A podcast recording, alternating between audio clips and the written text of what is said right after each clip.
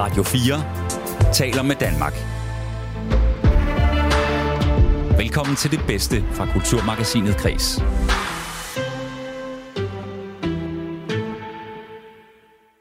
Godmorgen. Du lytter til ugens højdepunkter fra Kulturmagasinet Kres på Radio 4. I dag skal vi dykke ned i nogle af de film, som du måske skal hygge dig med her i juleferien. I torsdags var der premiere på filmen I Wanna Dance With Somebody om Whitney Houston, og derfor skal vi høre røverhistorier fra den danske succesproducer Soulshock, som har arbejdet sammen med Whitney Houston selv. Over på Netflix har den norske film Troll siden premieren den 1. december været fast inventar på danskernes top 10 liste over de allermest sete film. Den anledning greb vi og så nærmere på trolde i det hele taget sammen med to troldekyndige forfattere. Men inden vi kommer dertil, så skal vi møde den nye kulturminister. Det er Jakob Engel Schmidt fra Moderaterne. Mit navn er Søren Berggren Toft. Til daglig er jeg journalist her på programmet, men på denne julemorgen har jeg fyldt julesækken med godter til dig og udvalgt det aller, allerbedste fra ugens programmer. Du lytter til Radio 4. Vi starter med vores nye kulturminister. Kulturministeriet er nemlig et svingdørsministerium. Det er det ministerium, som har færrest penge og allermest brok. Det er den mindst prestigiøse ministerpost af alle. Og hvis man lytter til kommentatorer og tidligere kulturminister, så virker det på alle måder til at være lidt af en urjærspost. Men ikke desto mindre takkede Moderaternes Jakob Engel Schmidt en sen decemberaften ja til at være landets nye kulturminister. I torsdags mødtes Mathias Wissing med ham på Christiansborgs bonede gulve. Jamen, det er meget overvældende. Jeg havde ikke regnet med, at jeg skulle være minister. Tværtimod havde jeg forventet, at øh, jeg skulle blive ved med at være politisk ordfører. Moderaterne er et nyt parti. Vi stiftede stiftet tilbage 5. juli på grundlag af det politiske mødested. Og derfor har vi fået valgt en masse dygtige mennesker, men også folk med meget erfaring fra den mm. virkelige verden og lidt erfaring fra politik. Det at være kommet herind, i det der Julius Bumholds gamle kontor. Ja. Midlertidigt overtaget. Stifteren af Kulturministeriet i sin tid. Præcis. Ja. Men midlertidigt overtaget, og det er en kuriositet, som ikke mange ved, af Jens Otto Krav, fordi han synes, udsigten var helt fantastisk og formidabel ja. over Gamle Strand. Ja. Det er den også her. Ja. Gamle sofa står ved siden af. Ja vel. Det kan et eller andet. Dygtig, en god sofa. Men jeg var også lidt overrasket over, altså vi, vi sidder på en kulturredaktion, så vi er jo helt op at køre, hvem bliver kulturminister. Jeg må nok indrømme over for dig, Jacob.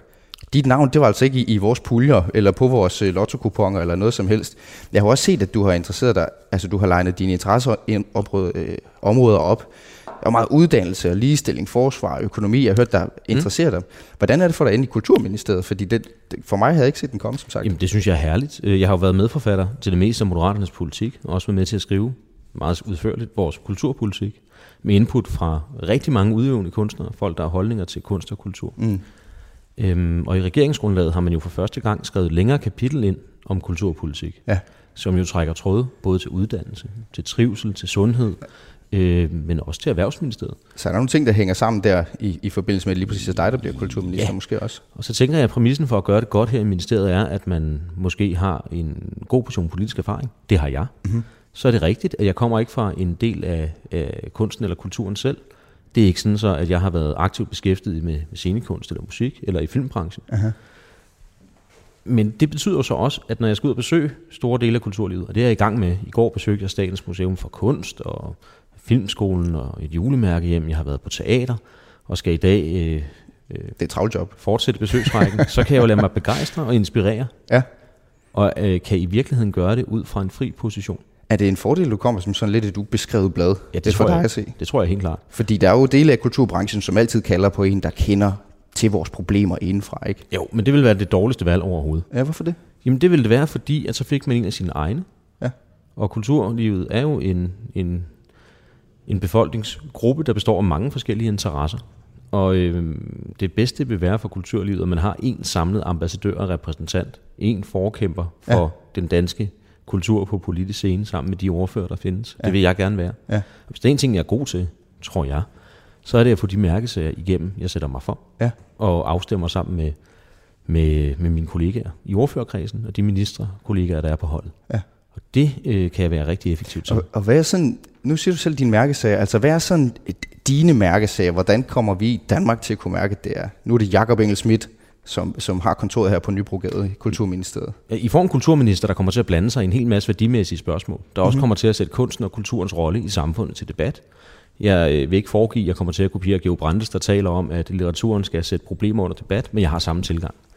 Og mit ønske er at skrive ny kulturpolitik med fokus på, at kulturen skal vokse, både ja. i, i det indtryk, det gør, og den måde, det påvirker mennesker på, i forhold til, hvad den fylder i vores økonomi, i forhold til, hvordan den sætter aftryk i Danmark og i verden, i forhold til, hvordan man aktualiserer nuværende problemer, stiller spørgsmålstegn ved udfordringer, kommer med bud på løsninger. Og på den måde er kulturen, litteraturen ja. og hele vores kulturliv med til at bringe Danmark ind i fremtiden. Ja. Det er det, der er visionen. Ja. Og hvad betyder det sådan for kultur, altså dem, som sidder og lytter med? Jeg håber jo, mange af vores lyttere, øh, tror faktisk, mange af vores lyttere også beskæftiger sig med kultur. Det håber jeg også. Ikke bare bruger, men rent faktisk arbejder med det. Hvad betyder det for dem, øh, de her visioner om, og, altså de her besyngelser af kulturen og dens potentialer? Jamen det betyder jo først og fremmest, at man har fået en minister, der sidder i både økonomiudvalget og, og, og koordinationsudvalget, og dermed også øhm, kommer til at kunne navigere på kulturens vej. Det glæder jeg mig utrolig meget til. Det betyder også, at øh, ambitionen fra min side er, at jeg kommer til at lytte og se og mærke og føle kunsten og kulturen. Og jeg håber, man endnu, mere, i endnu højere grad end i dag vil, øh, vil, vil lade sig høre og blive hørt. Mm. Og ikke kun på budgetmæssige ønsker, dem skal jeg nok lytte til. De kommer mm. allerede det nu. kan du godt. men også i forhold til, når vi nu skriver i regeringsgrundlaget, at vi vil nedsætte kunstrådet, der skal give øh, bud på svar på tidens store spørgsmål. Ja. Så er det jo en klar opfordring. Ja. Når vi skriver, at vi ønsker at gennemføre en museumsreform, det har man ikke kunne gøre i 10 år. Ja. Så inviterer jeg jo til gruppearbejde, hvor jeg inviterer alle museumsdirektørerne herind. Knæsætter en række principper sammen med dem i forhold til, hvad reformen skal bestå af, og ja. arbejder videre. Ja. Jeg har i går inviteret øh, kulturlivets repræsentanter til et, et møde om de udfordringer, de møder i øjeblikket, ja. og hvad vi ser ind i rent økonomisk. Ja. Så vælter ind bakken altså. det vil folk gerne være med til. Ja, selvfølgelig gør den det, ja. men øh, de to sidste ting, altså reformen peger fremad. Mm. Det andet, det er krisehåndtering, mm. men det første er jo visionspapiret. Mm. Og det samme gælder, når jeg gerne vil have, at vi alle på alle skoler i landet synger morgensang, og helst den samme, mm. men man må godt variere. Mm. Det er jo for at inddrage vores unge mennesker og vores, vores skoleelever i et fællesskab. Ja. Når jeg taler om kulturpas, som vi har opfundet ja. øh, i vores politiske program, ja. med inspiration i andre lande, handler det jo om at lade kulturen bidrage som en del af løsningen på nogle problemer, der øh, politisk går på tværs, men betyder rigtig meget for vores samfund. Det handler om at sørge for, at kulturen flytter sig fra en politisk tredje division helt op i Superligaen. Mm med dig som, øh, som anfører. Ja, det behøver ikke være mig, men jeg vil gerne hjælpe. Der, der er tre ting af det, du siger, som vi lige samler op til. Jeg samler lidt til bunker op i hovedet her. Først er det her med, at du sidder i økonomi- og, og koordinationsudvalget, som er et, de her meget øh, øh, centrale samarbejder i regeringen. Altså det, det, er, det er nogle af de, af de store pinger i, i, på folket, i regeringen og i Folketinget, som sidder med der. Og det tænker man jo, jamen det er sgu da fedt, kulturministeren sidder med der, men jeg kan ikke lade være med at tænke også, om det betyder, at du får rigtig, rigtig travlt andre, alle mulige andre steder end, end i kulturministeriet. Jamen jeg får da travlt med at passe de to udvalg, og det er jo en stor ære at få lov at sidde der. Øhm, det vil jeg ikke lyve omkring. Men jeg vil så sige, at det jo lykkedes mig at gennemføre de første mange besøg allerede øh, på, på under en uge. Og jeg kommer til at være en arbejdsom kulturminister. Ja. Men omvendt bliver, bliver der mindre kalendertid.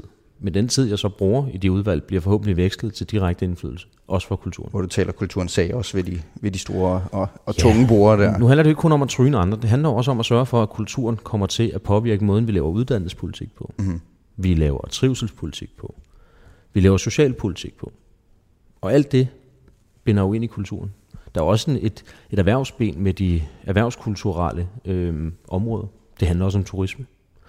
Altså kulturen i Danmark beskæftiger flere end 110.000 fuldtidsstillinger. Det mm. glemmer man nogle gange. Mm. Og det glemmer kulturen desværre også en gang imellem. Mm.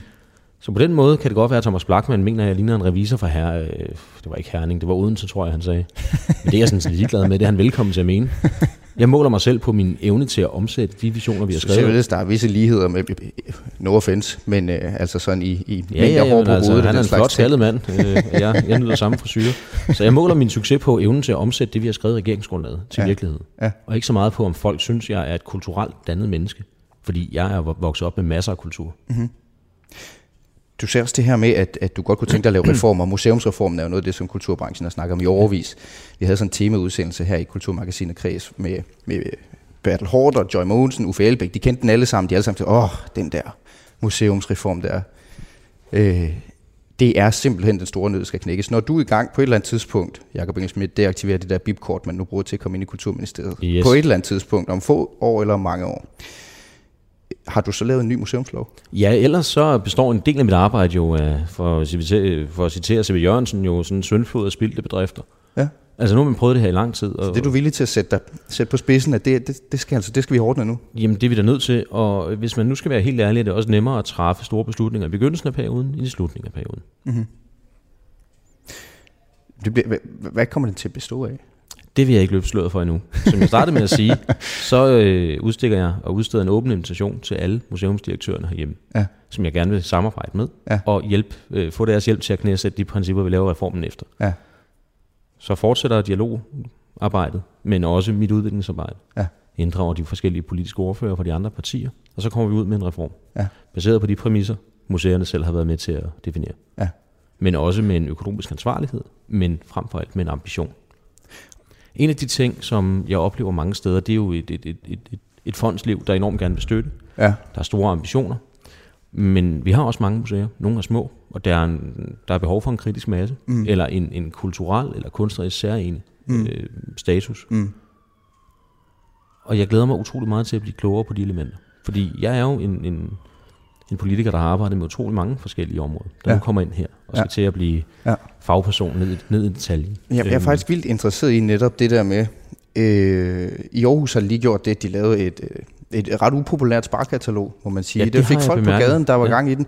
Men det, de gjorde i kommunen, det var at sige, vi bliver simpelthen nødt til at lukke nogle af de her ting, som, som går under radaren for de fleste. Vi bliver nødt til at være lidt hårde en gang for alle nu, for at få lavet nogle ting om du kommer jo også ind uden at være fedtet ind i en masse Præcis. kultur her. Altså, du er en, kultur, en kulturforbruger, som, som vi andre også er.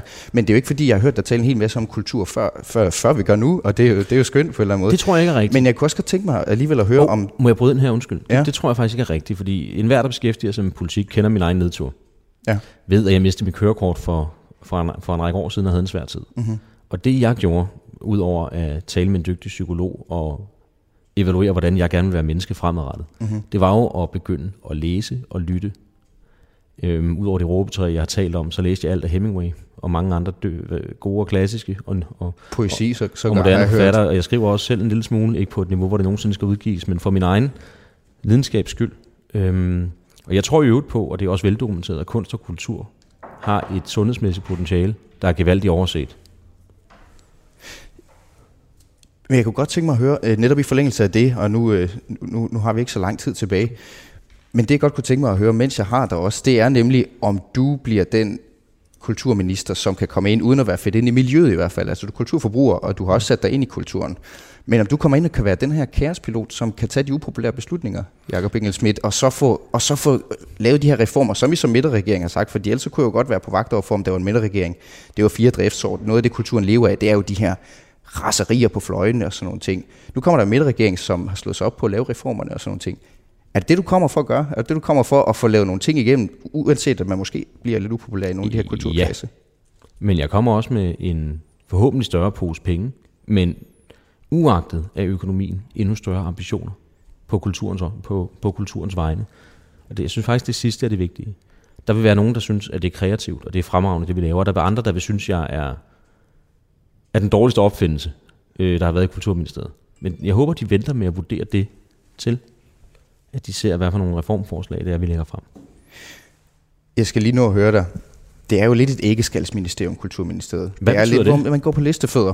Ja. Øh, man skal passe på ikke at rave uklar med branchen hele tiden du har jo haft uh, ry tilbage i din tid for Venstre, nu er, du, nu er du valgt ind for Moderaterne, minister for Moderaterne, men i din tid for Venstre, der, der var det noget, aviserne de godt lide at skrive om, at du var, de kaldte dig en terrier og sådan nogle ting. Mm. Jeg har faktisk set, du modsatte dig lidt, det synes du egentlig ikke selv var helt det synes retvisende. Jeg ikke, men uh, er, er du nervøs over for uh, den form, som du kommer med? Du er jo en, ting, en, en person, som siger tingene, som de er, og siger, din, står ved dine holdninger. Uh, hvad tænker du om det møde der mellem ikke-skaldsministeriet? Det er noget, jeg kalder det. Ja, ja, men... men, men og, så de, og så din façon, Jacob Engelsmidt. Jamen, jeg tænker, at øh, det er en fantastisk kombination. Jeg kunne faktisk ikke forestille mig noget bedre. Det her det er et holdningsministerium, men det er også et udviklingsministerium. Det er en udvikling af Danmarks fremtid. Det er en udvikling af vores værdier, med, i dialog med den fortid, vi deler i fællesskab. Og jeg kommer øh, til at lytte mere, end jeg kommer til at tale til at begynde med. Og når jeg er færdig med at lytte, så vil jeg med politisk opbakning for de ordfører, der vil være med, lave de forandringer, som den lytning har ledt mig frem til at mene er fornuftige. Og det er jo så også en åben invitation til lytterne af Radio 4. Både dem, der opfatter sig selv som værende dybt engageret i kulturlivet, dem, der arbejder der, men også bare mennesker, der har holdninger. Mm-hmm. Altså, min dør er åben. Jeg kan ikke nå at mødes med alle, men jeg kan i hvert fald både læse og lytte det, man sender mig. Og jeg er glad for, at du har læst min sms, da jeg spurgte, om jeg må komme ja. på besøg hos dig. 10 sekunder svar til sidst. Hvad ønsker du der i julegave, udover at Lyngby rykker over stregen i suppen? Fred og ro. Nej, prøv at høre. Jeg har haft et meget travlt år og i stort set ikke holdt fri siden starten af august. Så jeg glæder mig til et par dage sammen med min dejlige kæreste, hvor telefonen ikke ringer. Således altså de kulturpolitiske visioner fra regeringen og fra vores nye kulturminister, Moderaternes Jakob Engel Schmidt.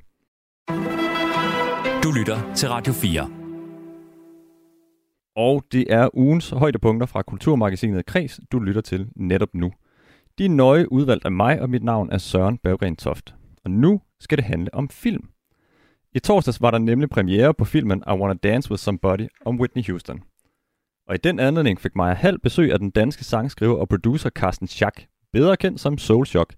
Han har selv arbejdet sammen med Whitney Houston og med hendes berygtede pladeproducer Clive Davis. Lad mig fortælle en historie om Clive, som virkelig fortæller, hvem han er. Øhm, da vi kom over til øh, Los Angeles, der havde vi jo store, store, store ambitioner om, at nu skulle vi ligge verden ned. Og vi vidste godt, at Clive Davis var en af de højeste, hvis han ikke også var den højeste på det tidspunkt, uh, record executive, fordi han havde Whitney Houston og alle mulige andre. Så vi fik langt og længere arrangeret møde med ham, tager så ned på Hotel Peninsula nede i Beverly Hills. Rigtig fint, og det, med butler, der bukker og nejer, assistenter, der kører os ind, og Kenneth og Rødovre og Carsten og GU vader så ind i den her kæmpe suite, og det er en af de første møder, vi sådan rigtig har, efter vi er ankommet de her høje ambitioner. Og øh, vi spiller så tre sange, vi har skrevet, mens vi var øh, i USA. En af dem, tror jeg, der var skrevet i Danmark. Og jeg var imponeret over, at han lå alle tre sange spille. Og da de så var færdige, så kiggede han over på mig, og så sagde han, These are probably the three worst songs someone has ever played for me. Så vi tog hjem, og på vej ud af, jeg var sådan rimelig knækket, siger assistenten til mig, Clara vil gerne se jer igen. Det er det tidspunkt, det er cirka en måned efter. Jeg tænkte, nå, det var da lige vel interessant, når han lige har hørt de tre værste sange nogensinde.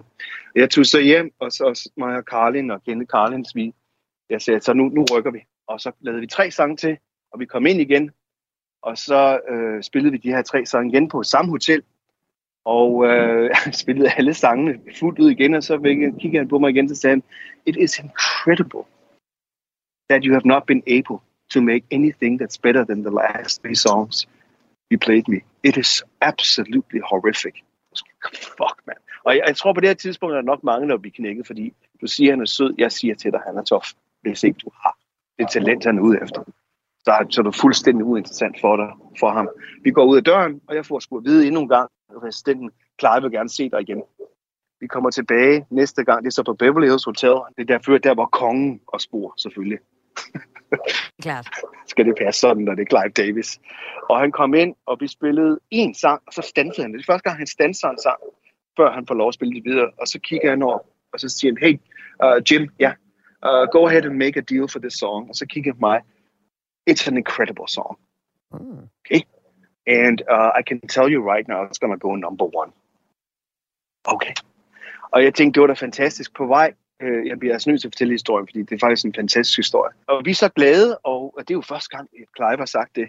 Og vi får så at vide, at han gerne vil bruge den her sang til øh, en ny pige, der hedder Monica, som vi aldrig har hørt om. 14 år gammel. Og jeg tænkte, okay. Det viser så, at vores management havde også spillet sangen øh, for L.A. Reid, og han ville gerne have sang til Tony Braxton. Og der var ingen tvivl for os. Det skulle bare være Tony Braxton. Mm. Sangen hed Before You Walk Out of My Life. Mm. Um, så vi sagde bare til LAV, den tager vi. Det er bare klart. Jeg tænkte ikke rigtig videre over det. Jeg er så nede i, i et studie i LA og arbejder på en anden sang, og der er ikke rigtig nogen, der ved, at jeg er dernede. Og jeg får så en studiemanager, der kommer løbende ind i rummet og siger til mig, Gud, siger, Clive Davis er på telefonen. Og jeg tog telefonen og sagde, Hello, this is Clive Davis. Hello, Clive. Yes, uh, we don't have to continue this conversation. I'm going to make this very clear for you. This song, you played me, you will record with Monica and you will not record it with Tony Braxton. And if you don't, I'll make sure you never work in this business again because I'm fucking Clive Davis. Det er min Clive Davis-historie. Hold da op, og hvad, hvad sker der så? Hvad, hvad gør det er, Monica, hun ja. ind, Monica indspiller så sangen, som han forlangte. Og vi får vores første nummer et sang i USA. Shit, mand, Carsten. Og hvilken betydning havde det møde der øh, for, for dig og din øh, producerpartner, øh, Kenneth Carlin? Altså, i det øjeblik, Clive havde taget en af vores sange, og den ovenikøbet gik nummer et, var vi nu under Clives vinger. Og det vil sige, det var i virkeligheden grunden til, at vi opnåede øh, så hurtigt, vil jeg sige, efter vi ankom til, til USA, en karriere, som jeg havde. Vi arbejdede med alle Clives kunstner. og jeg var hans øh, nummer et, og vi var inviteret til alle hans fester, og jeg mødte, du ved, jeg kom, han ringede konstant for at få øh, mig over på øh, Beverly Hills Hotel, hvor jeg har siddet sammen med Prince, og jeg har siddet sammen med Wycliffe og Alicia Keys, før de næsten, hvor de, før de blev signet. Øh, det blev sådan en, en hyggestue, og for dem han virkelig værdsatte, der fik man lov at bare blive derovre hele dagen og møde alle de her utrolige kunstnere, som kom ind og ud af hans øh, bungalow nummer 8. Så han har betydet alt, alt for os, øh, og har været en helt utrolig. Og ja, når du er på den side, noget af det skønneste, venligste, dejligste menneske, jeg har været omkring.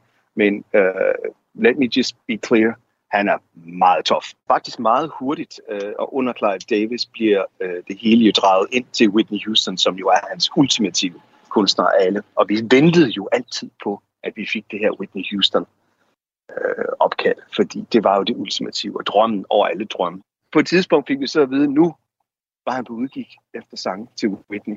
Så nu skulle vi bare tage og få skrevet nogle gode sange. Øh, og det leder os faktisk hen til historien mod Whitney Houston, øh, hvor vi kommer ind og spiller en sang. Og han spillede så sangen, og det, det er faktisk første gang, jeg har set ham spille den en gang til. Spiller normalt ikke en sang to gange, og jeg ved, vidste ikke, om det var godt eller dårligt. Så kiggede han over på mig, og så sagde han, okay, Whitney is gonna record this. Og på det her det tidspunkt, hvor er Whitney Houston så henne i sin karriere? Hun er øh, derhen, hvor øh, hun har lige mødt Bobby Brown. Um, og de har købt et kæmpe slot uden for New York, i New Jersey, i en af de rigeste områder uden for New York. Uh, hun har haft ualmindelig succes. Uh, det her, det er efter Bodyguard også.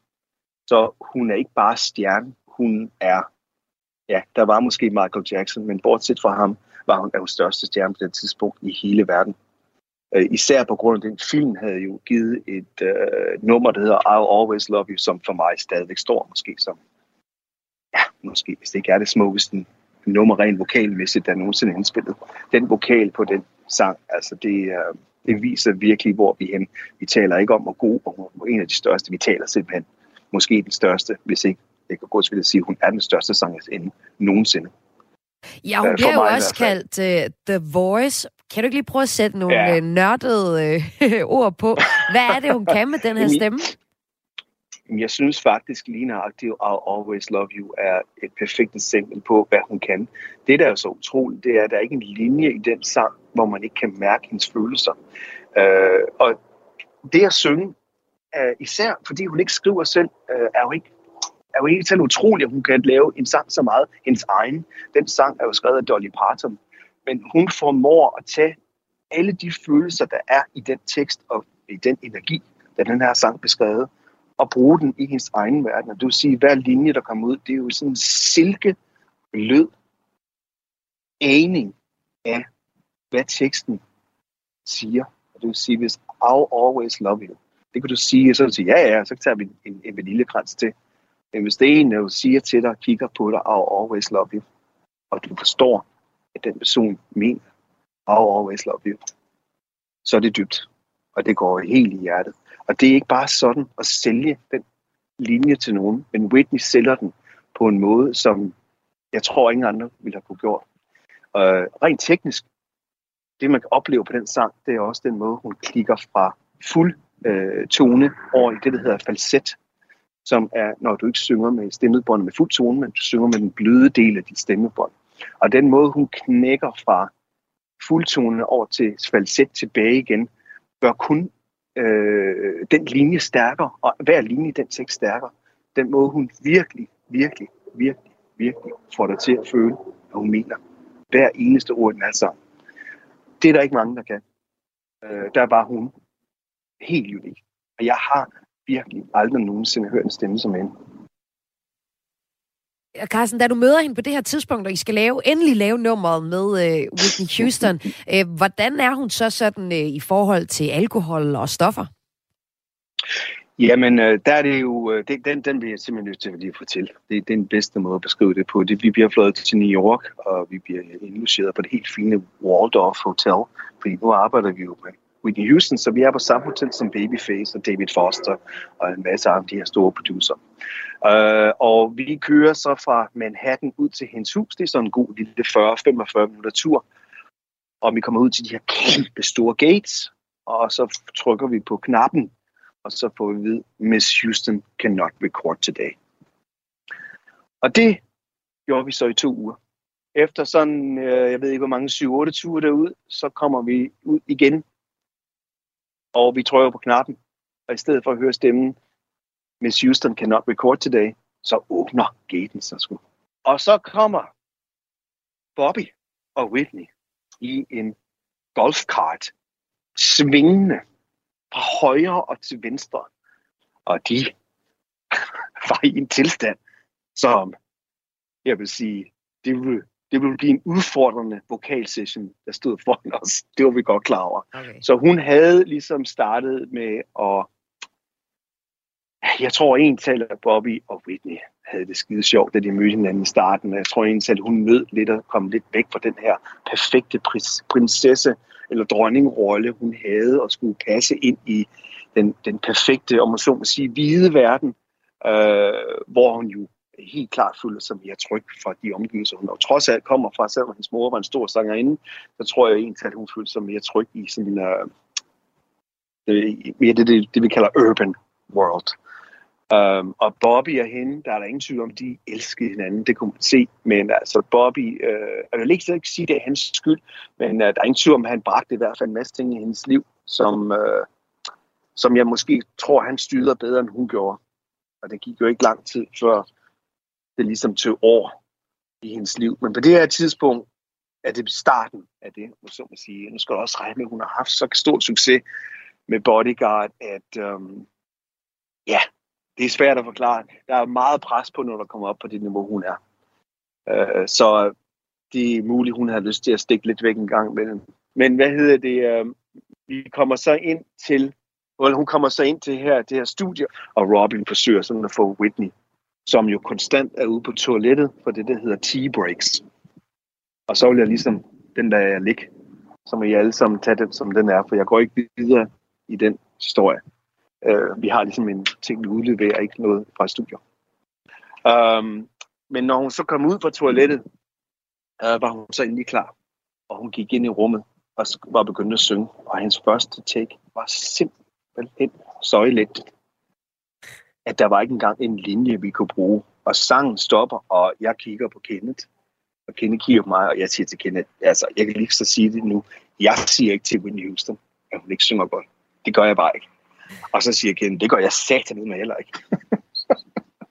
Hvad gør I så? Og, øh, og jeg ringer, og så siger jeg til Robin, øh, jeg nu skal lige ringe til Whitney Houston, okay, kan vi arrangere det? Og jeg ringer så op i huset, og Miss, Miss Houston, one second, bla bla bla, og jeg får hende med telefonen, og der er gang i den. Hende og Bobby har det skønt, skal jeg høre. De hygger sig. Og jeg siger, hey, uh, uh you know, can you please come and listen to the song? No, no, no, honey, I love it perfect. Sagde but kan du, kan du ikke komme ned lige og høre? No, I love the way it sounded. I'm done. Thank you so much for coming out. We'll see you next time. Så sagde jeg, uh, Miss Houston, ja, jeg er lige kommet af telefonen med Clive, og han insisterer på, at jeg ikke må forlade dit hus, før du approver det her. Så medmindre du vil have, at jeg skal sidde her resten af natten, øh, så vil jeg forestille, at du måske kommer ned og lytte til det nu, fordi så kan jeg ligesom tage hjem, og det er nok det, du også gerne vil have. så griner hun lidt og sagde, ah, okay, honey, og så kommer golfvognen jo kørende igen. Og så spillede jeg sangen. Og jeg spillede en Whitney Houston-sang, hvor hun lyder skrækkeligt. Og så trykker jeg stop, og så er der stille. Og Bobby han begynder, hey, hey Bobby, shut up. Så ringer hun og siger, hey, uh, Ricky, yeah, get my pyjamas. Uh, you know, Laina, yeah, get my uh, steaming device. Og jeg, der er hele stule flyver rundt med myrer ud, og folk, hun skal have det ene eller andet tredje, og hun skifter tøj, og får en eller anden kæmpe slange op i munden med, hvor røg, så hendes lunger og hendes stemmebånd bliver varmet op, og jeg tænker, okay, og så kigger hun på mig, let's fucking do this. Og så går hun ind og leverer en god 6-7 takes, hvor vi næsten sidder og græder over, hvor utrolig en sang anden, vi har foran os. Og så går hun ud, og så siger hun, I'm fucking done. Make it sound good. Og det var ikke noget problem. Det var altså den danske sangskriver og producer Soulshock, som fortalte om nu afdøde Whitney Houston, som havde en sangstemme, der kunne få selv voksne mænd til at græde. Du lytter til Radio 4. Du lytter til ugens højdepunkter fra Kulturmagasinet Kreds på Radio 4 på denne julemorgen. Mit navn er Søren Berggren Toft, og nu rækker jeg hånden dybt ned i julesækken og finder den aller sidste julegodte fra ugen til dig. Hele december har den norske Netflix-film Troll ligget i top 10 over danskernes mest sete film på tjenesten. Mathias Wissing han er ikke en mand, der misser en anledning til at tale om troldes kulturhistorie, så han greb chancen og spurgte to forfattere med trolde på hjernen, hvorfor vi som mennesker har brug for de mørke pletter på landkortet. Her har han besøg af forfatterne Dennis Gade Kofod og Martin Glas Seop. Altså, jeg er jo ret fascineret af trolden som, øh, øh, som figur. Altså, det er jo sådan en, hvad skal vi sige, kulturel allestedsnærværende ting, i hvert fald hvis øh, man er vokset op i, øh, i Norden, øh, fordi det er jo på mange måder en skandinavisk eller øh, nordisk opfindelse, de her trolde. Ikke? Så hvis man selv har været barn på et tidspunkt, og har fået læst øh, eventyr, eller for eksempel godt kan lide øh, Asbjørnsen og Mos norske eventyr, eller Brødrene Grims eventyr, eller sådan noget, så, øh, så er trolde jo ligesom en fast del af ens, hvad hedder det, fantasmagoriske katalog. Ja. Ikke mindre, øh. endnu mindre det. Jamen, det er helt rigtigt. Dennis Kofod, hvad fascinerer dig ved, ved trolde? For det er også noget, du har beskæftiget dig en hel, en hel del med. Øh, ja, altså jeg, jeg vidste, du ville stille mig spørgsmål. Jeg synes, det er enormt svært at svare på.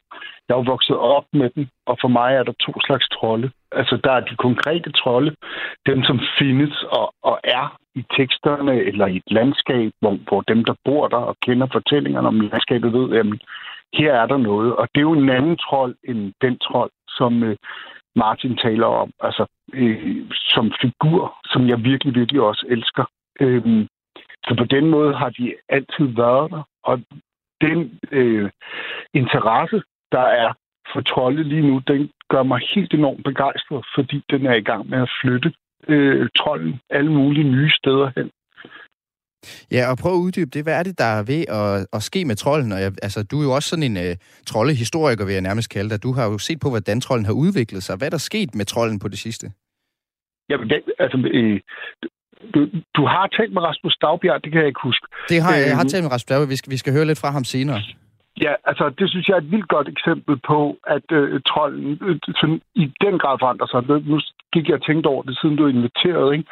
Og når jeg tænker på trolden i bogen Trold, så tænker jeg, at øh, hun øh, et eller andet sted er, er i familie med, med, med, med nogle af de trolde, jeg finder i forloren, som er meget mere tænkende og følende, og i øvrigt meget mere levende, end nogle af de mere klichéfulde trolde, der, der har eksisteret vel de sidste 100 år. Ikke? Mm. Øh, altså, ja, altså, siden 1800-tallet, hvor julenisten også bliver opfundet. Ikke? Mm. Og der sker jo en enorm reducering af mange af de øh, væsener, som har tilhørt en anden litteratur, som ikke har fyldt så meget øh, i den seneste tid. Altså, de bliver reduceret til, til, øh, til skabeloner, der kan nogle ting, ikke?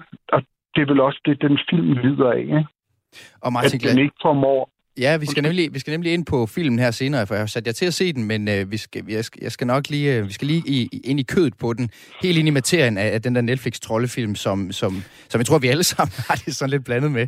Øh, men jeg skal også lige omkring din trold, Martin Glaserup, som er med i, øh, i din seneste eventyrbog, den som hedder Trolden på tredje og to andre eventyr, som sagt, med alle de her øh, glemrende, uhyggelige illustrationer af Christian Eskil Jensen, som har tegnet til. Øh, det er en meget grum og grufuld fortælling om en trold, som bor på tredje sal i din bog. Hvad er det for en trold? Nå, men det er jo, øh, altså hvad hedder det, det er jo på mange måder en, en katalog over øh, troldefiguren. Jeg synes, det er jo fint, det Danny siger med, at der er den her figur, som er trolden, som vi refererer til, og så er der måske noget andet. Nu har vi ikke snakket om det underjordiske, de underjordiske endnu, og alle de andre naturvæsener, feer og den slags ting, som mange mennesker jo mener findes, og jeg tror også Dennis måske øh, mener øh, øh, findes. Og de er nemlig, det er en helt anden figur end den litterære figur. Øh, hvad hedder det? Som min trold er øh, en, øh, en, en blanding af, ikke? Altså som, øh, nu sagde Dennis, at, at det er noget, der er opfundet i 1800-tallet, og det er jo på mange måder rigtigt. Altså Brødrene Grimm og øh, Asbjørnsen og Mo, øh, der jo indsamler folkeeventyr Øh, hvad hedder det? Og i, i, i processen med at indsamle de her folkeeventyr, så øh, gør de dem også til litteratur, til skreven litteratur. Øh, og, hvad skal vi sige, redigerer langt hen ad vejen øh, de fortællinger, der er. Mm. Øh, og, hvad hedder det? og min trold, for lige at svare på det, det er jo sådan en, der, øh, der har nogle af de samme karakteristika. Altså, der går ud fra, at den, der læser den historie, barnet, den voksne, hvem der kan nu læse den, øh, allerede ved en del om trolde. Så sådan noget med, at de skal have hugget hovedet af for at kunne, øh, hvad hedder det... Øh, dø, og så kan den ikke dø, til vokser ud igen. Og øh, man, er, man er rig som en trold, og mm. øh, alt sådan nogle ting. Ikke? Øh, og den er, ikke, den er ikke for klog, den der trold. Og den æder alt muligt, og sådan nogle ting. Mm. Så der er jo mange, øh, hvad skal vi sige, eksplicite referencer selvfølgelig til folkeeventyrene, men sådan set også til kunsteventyrene. Ikke? Altså, jeg, H.C. Andersen er jeg meget begejstret for øh, som forfatter. Han er rimelig god, hvis øh, det er en anbefaling, hvis, hvis I ikke kender H.C. Andersen. Ja. ham der H.C. Andersen. Jeg har ringet til jer, fordi at, øh, at jeg har set Trold.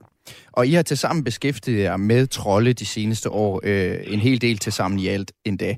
Øh, jeg har også talt med den forfatter, som hedder Rasmus Dagbjerg her, som du nævnte før, Dennis Gade Kofod. Øh, han har skrevet en bog, der hedder Trold, som udkom tidligere i år. Øh, jeg har klippet med fra Rasmus Dagbjerg om lidt, men først så skal jeg lige høre, øh, Dennis, hvorfor trolden den er sådan særlig prægnant lige nu? Altså, hvorfor er det, at den popper op og bliver brugt i forskellige fortællinger lige nu? Altså, det, det, det, jeg, jeg har lige været med i en debat i forbindelse med en ny dokumentarfilm om de danske naturnationalparker, hvor, hvor jeg blev spurgt om, hvad det, folk de går og frygter, altså når, når de her nation, øh, naturnationalparker kommer og møder begrænset, men meget højrystet modstand. Og det tror jeg faktisk hænger sammen med øh, noget, som trolden kan. Det er en tabuisering, der vender tilbage til naturen. At hvis vi slipper den fri igen, jamen så bliver den også farlig igen. Og det vil sige, øh, ligesom at for mig i hvert fald, at store naturområder, hvor øh, menneskelig aktivitet er fraværende eller meget, meget, meget sparsom, jamen de er ikke kun arnested for en øh, masse sådan, øh, biodiversitet, de er også øh, arnested for en enorm fantasidiversitet. Mm. Altså det, ja, det er sådan en anerkendt tankegang, at noget døde i når det elektriske lys kom. Mm. Det har vist sig, at det slet ikke var lige så meget, men der sker jo noget, når der er noget ukendt og mørkt og uigennemsigtigt lige ved siden af os. Jamen, så bliver vi nødt til at fylde det med noget som mennesker, fordi at tomhed har vi det rigtig, rigtig stramt med.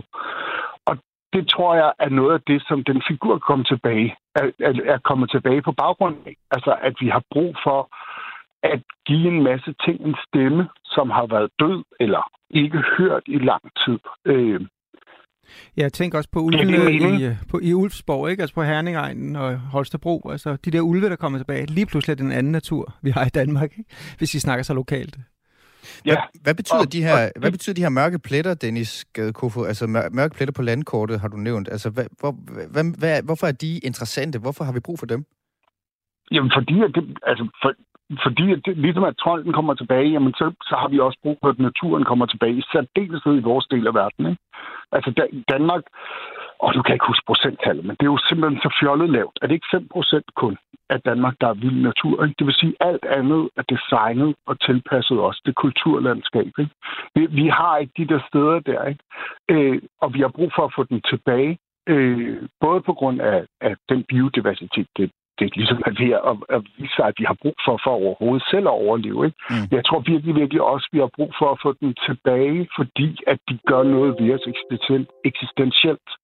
Øhm, jeg, og jeg læste, at øh, den lokale biolog her på Bornholm Stolte netop skrev om det, at, at når han er ude og argumentere for en større biodiversitet og større udlægninger af natur som vild natur, jamen der, hvor, hvor det vækker mest genklang, det er, når man fjerner sådan, sådan, øh, nøgletallene og alt det der, som folk jo godt ved, men, men, men når ind til, jamen det her, det gør noget ved os, at det findes. Mm. Og det er et sted, der ikke er velkommen over for os. Mm. Og det tror jeg, tror, den repræsenterer. Og det er jo der, hvor den kommer over både i folketroen og i, øh, i, det, altså i litteraturen, hvor den er en rigtig figur. Ikke? Jamen, det er jo tit den vogter. Altså, ja. den, den er der for at gøre et sted meget, meget, meget fjendtligt, og ofte for at beskytte et eller andet derinde. Ikke? Ja. Det er jo sådan, i, i, de store eventyr, der er trolden jo aldrig, stort set aldrig målet. Altså også i, øh, hvad hedder det, Odysseen, hvor det er kyklopen, ikke? det er noget, man skal forbi for at nå frem til noget andet. Ikke? Og, og der har trolden sådan en enorm fantastisk vogterstatus, som jeg godt kan lide. På Bornholm, der er det trolden, der prøver at smide de kristne væk. Den er biskop Egin, han kommer for at kristne Bornholm, der bliver han jagtet af trolde og må flygte til Skåne under et af de første forsøg. Ikke? okay. Må jeg ikke lige sige noget i forlængelse af det, Dennis siger med Nej. trolden? Nå, jo, det, må, det, må, det må du godt, Martin. Nå, men det er bare, ja, den, den, øh, den beskrivelse, Dennis har af trolden, det er faktisk også fuldstændig den trold, som vi ser både hos Rasmus Dagbjergs øh, roman, øh, der hedder Trold, og den der øh, film, du har tvunget os til at se, der hedder Trold. ja, og hvad hedder det? Nej, det, det, det, det er trolden, der sådan set altså, øh, øh, øh, er, altså så længe den er i det ukendte, det vilde, hvis den har sit eget sted, hvis øh, den egentlig bare gerne være i fred, og den er ikke øh, offensiv eller aggressiv eller ondt, øh, altså den slags øh, kategorier giver ikke rigtig mening i forhold til de her to trolde, som begge to er fra 2022. Mm. Og hvad hedder det? Øh, øh, men hvis den ikke længere har et eget sted, hvis man tager alt den skov, hvor den bor i hos Rasmus Dagbjerg, hvis man tager alt den, hvis man øh, bygger øh, jernbane ind i fjellet, så, kom, så kommer den ud, for den har ikke noget sted at være. Så så længe at vi har øh, øh det vilde, øh, så længe der er et, et stort nok område, som den forsvare eller bliver presset ud af, eller hvad det nu er, øh, så øh, behøver vi ikke at, øh, at stifte bekendtskab med trolden. Mm. Det er fuldstændig i, øh, det er en til en i den læsning, Dennis lige har lavet. Så det, er, det, er også, det, det er også den trold, man ser i de seneste øh, ting. Ja, så er vi tilbage ved de her mørke pletter på landkortet, at, at trolden har brug for at kunne være i fred på en eller anden måde, øh, og tæt knyttet til naturen jo der. Øh, og det er jo noget, vi, altså trolden, vi støder på den mange steder øh, tidligere. Øh,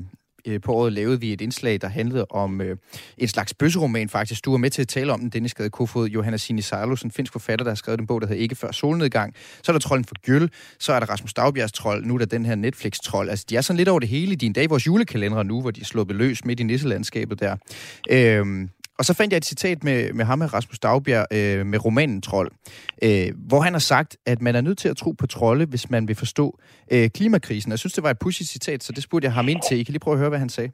Øhm, ja, jeg tror også, altså det der citat, hvis det sådan er, når det sådan er sakset ud på den måde, så, så synes jeg selv også, det lyder lidt bombastisk. Men jeg tror ligesom, at, at det handler om, at jeg har set en, en spejling i, i mange folkeeventyr og, og savn, der handler om trolde øh, øh, og så den klimakrise, vi befinder os i lige nu. Altså, øh, der er mange øh, trolde øh, i øh, savn og folkeeventyr, der, der fungerer på den måde, eller lever på den måde. De bor et særligt sted i en, i en skov, og hvis der kommer nogle mennesker og hugger de forkerte træer ned, så kommer trolden efter dem og, og straffer dem. Og øhm, den samme dynamik ser man jo, hvis man læser FN's klimarapporter, at jo mere rovdrift, der, der drives på naturen, øh, jo mere udsatte bliver menneskeheden også for, øh, for naturkatastrofer. Og der hvor jeg tror, at jeg synes, at den spejling bliver øh, ekstra interessant, er, når man, når man tænker på magt. Fordi Øhm, det vi jo ser med klimakrisen nu, det er, at dem, der driver mest rovdrift, Vesten for eksempel, det er også dem, der lider mindst under klimakrisen. Øhm, og det samme er sådan set på spil i min bog. Altså øhm, de her mennesker, der plager skoven. Det er jo dem, der plager skoven, men det er jo egentlig ikke deres skyld, at de skal plage skoven. Det er sådan set kongens skyld. Så den, så magten eller ansvaret ligger sådan set et helt andet sted. Øhm, og det tænker jeg rejser nogle spørgsmål om ansvar og, og magt sådan set. Dennis, hvad siger du til den her, den her forbindelse mellem altså biodiversitetskrise, magt og, og trold, som Rasmus Dagbjerg han tegner? Jamen, det var, ja, det, det var det, jeg prøvede at sige lige før. Det var meget præcis sagt af Rasmus, det der. Altså, at trolden kan repræsentere genindførelsen af tabu, ikke? Det her træ, det er fredet. Hvis du rører det, bliver du spist. Den her ø skal ikke være kristen. Hvis du rører den, så kommer trolden efter dig og smider sten efter dine kirker. Altså, det, det er altså fint sagt. Jeg kan, kan ikke være andet end uh, enig.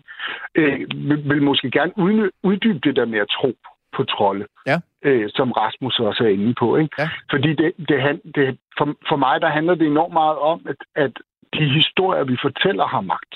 Altså, og, og vi bliver tit, eller det ved jeg faktisk ikke, om Rasmus gør, jeg kender ham ikke særlig godt, men jeg bliver tit gået på klingen med det der med, at jeg insisterer på at sige, at jeg tror på trolde og alt det andet, der findes. Men, men folk, der siger, at jeg skal i kirke nu her til jul, fordi at jeg faktisk er kristen og, og tror på Gud og Jesus, de bliver aldrig stillet det spørgsmål. At, at jamen, tekster har den her magt, historier har den her magt over os. Og jeg håber på, at ved at sige sådan, jamen jeg tror på trolde. Jeg er et helt normalt menneske med internet og det hele, øh, men jeg tror faktisk på trolde.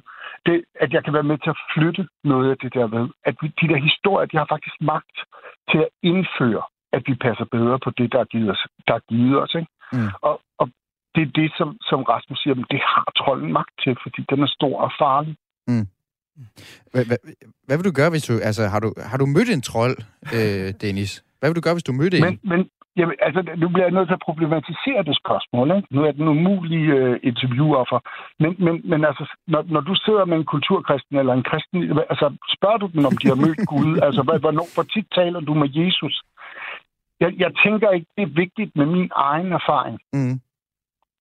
Men, men altså, jeg, jeg taler med, med, ja. med de ting, der uh, omgiver mig. Det er en ja. stor del af, af den måde at være mig på, at jeg oplever, at når jeg er meget et sted, og for mit vedkommende Bornholm, hvor jeg har boet stort set hele mit liv, jamen, så taler de steder til mig ja. og fortæller mig de historier.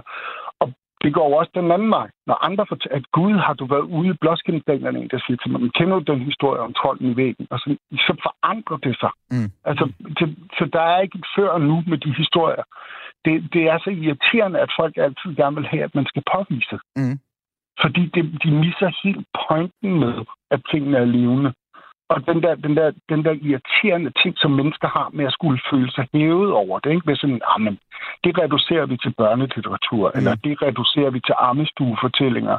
Det er jo det, der har bragt os til den, altså, i, altså i lort til halsen, som vi sidder i nu, i forhold til klima og biodiversitet.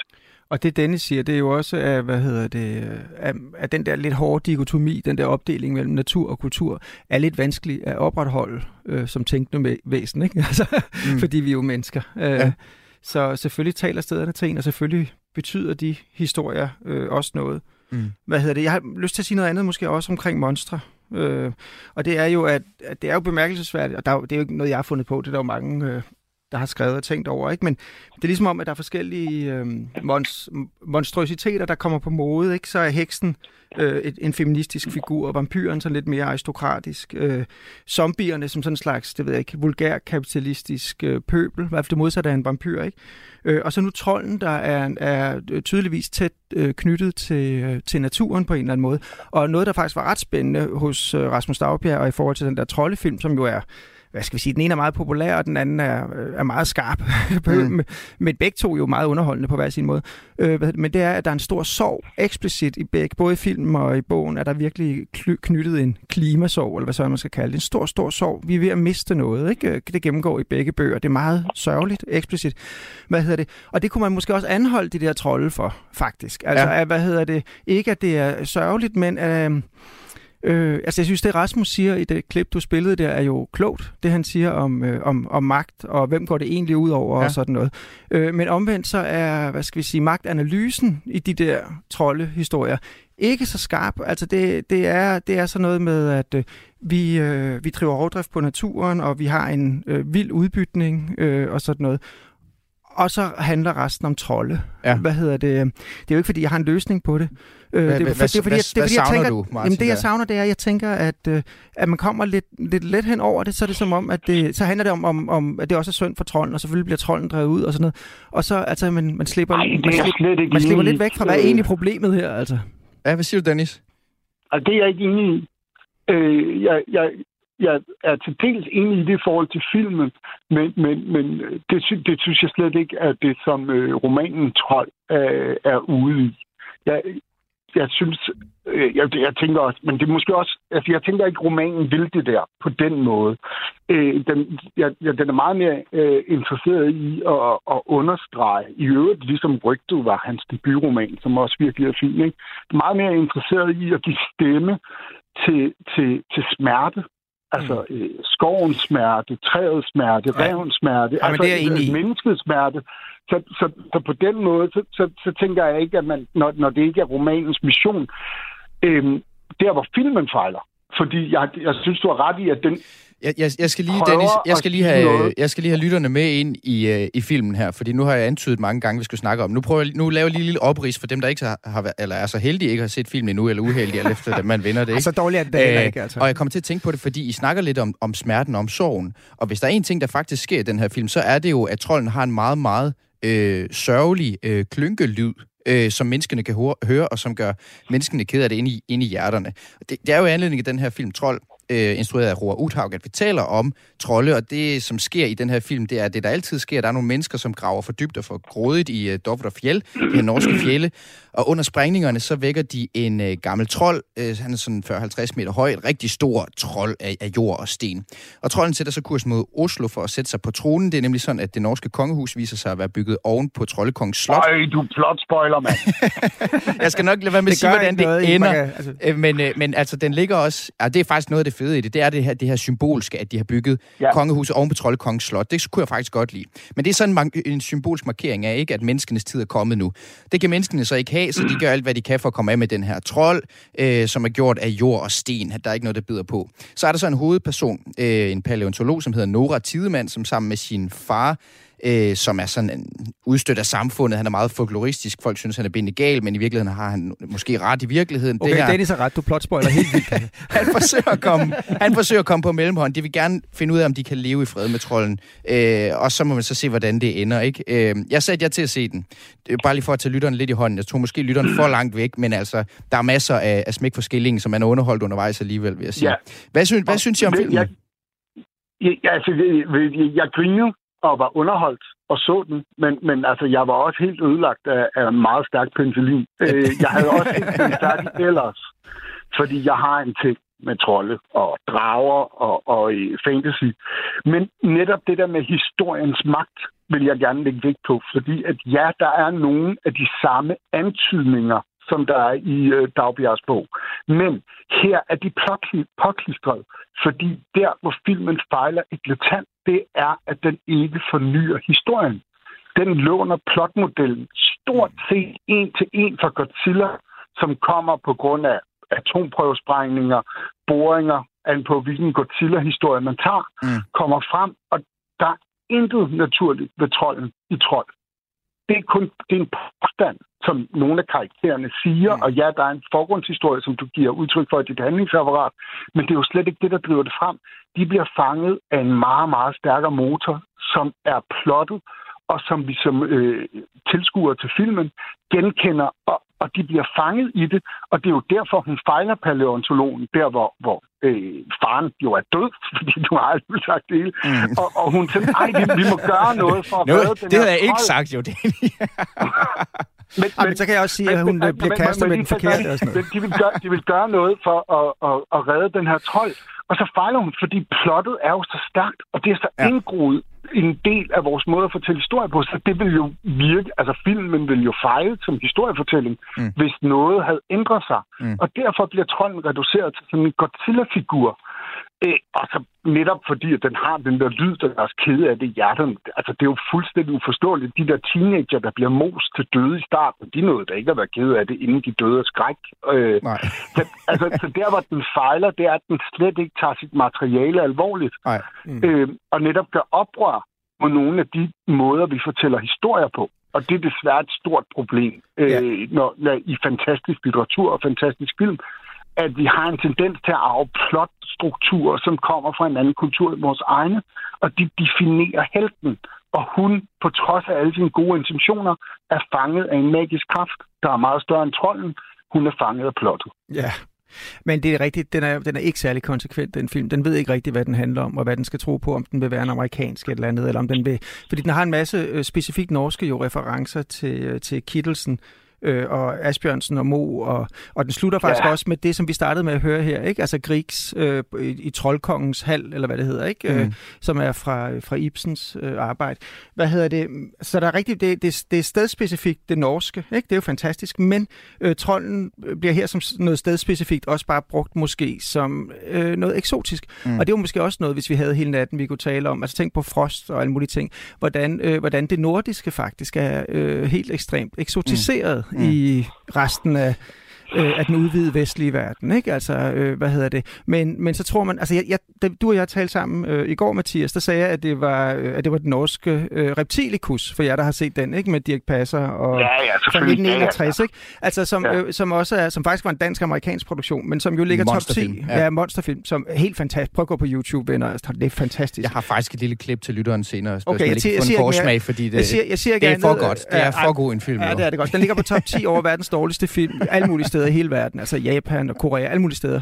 Men, hvad hedder det, men, men, men der gør man faktisk det samme. Der amerikaniserer mm. man det også. Ja. Øh, og, altså, jeg er 100% enig i, hvad Dennis siger. Der er faktisk en, det er faktisk en sjov, jeg tror også, det jeg godt kunne lide ved den, var, at der var så meget, altså de taler norsk i filmen, og, der, og det foregår jo i Norge, og der er alle mulige øh, nordiske referencer, men så er det bare alt sammen tvunget i, altså, i en eller anden øh, Hollywood-kåbe, øh, så alle de gode intentioner, de går, det er som om, det er det, der gør den lidt skæv på Ja, de glemmer også. lidt, hvad de har gang i undervejs. Altså du ved, for eksempel, øh, nu prøvede jeg også at plot spoil det der med, at så kysser hun med den forkerte og sådan noget. Altså det er ligesom, det er ligesom øh, øh, men jeg ved ikke, om vi er, vi er for langt ind i det kritiske hjørne i forhold til trolden, men det er som om, at de sådan lidt undervejs glemmer det ene og det andet, og hvem har egentlig, altså hvad handler det egentlig om? Er det synd for trolden? Er det ikke synd for trolden? Hvad er trolden egentlig her? Og, sådan og, også, og på samme måde kan man se det nede i de små ting med, med hvem, hvem kysser med hvem og sådan noget. Det hænger overhovedet ikke sammen. Men du rammer jo lige ind i det, vi har talt om. Netop, at, at det, som, som Rasmus Dagbjergs bog er et udtryk for, det er, at trolden er ved at forandre sig. Den er ved at komme tilbage. Det er den film netop ikke et udtryk for. Den er jo et udtryk for det, trolden har været fanget i så mange år. Altså, du kan, øh, det, jeg har slet ikke tænkt på den øh, reptilikus. Det er jo rigtig, og den er jo fuldstændig magen til Godzilla på rigtig mange måder. Ikke? Altså, trolden bliver bare reduceret til det der, som den hele tiden har været. Ikke? Den, den, den kan ingenting, og den er jo lige så fanget i historien, som den er øh, i virkeligheden. Ikke? Altså, det, det, det er lidt spil af tid, ikke? Og det var altså forfatterne Dennis Gade Kofod og Martin Glass Seup, der brugte den norske Netflix-film Trold som anledning til at tale om vores forhold til netop trolde. Radio 4 taler med Danmark. Du har lyttet til ugens højdepunkter fra Kulturmagasinet Kreds på Radio 4. Hvis du gerne vil have mere kultur i din radio, så kan du lytte med mandag til torsdag fra kl. 14 til kl. 15. Mit navn er Søren Berggren Toft. Tak fordi du lyttede med, og rigtig glædelig jul.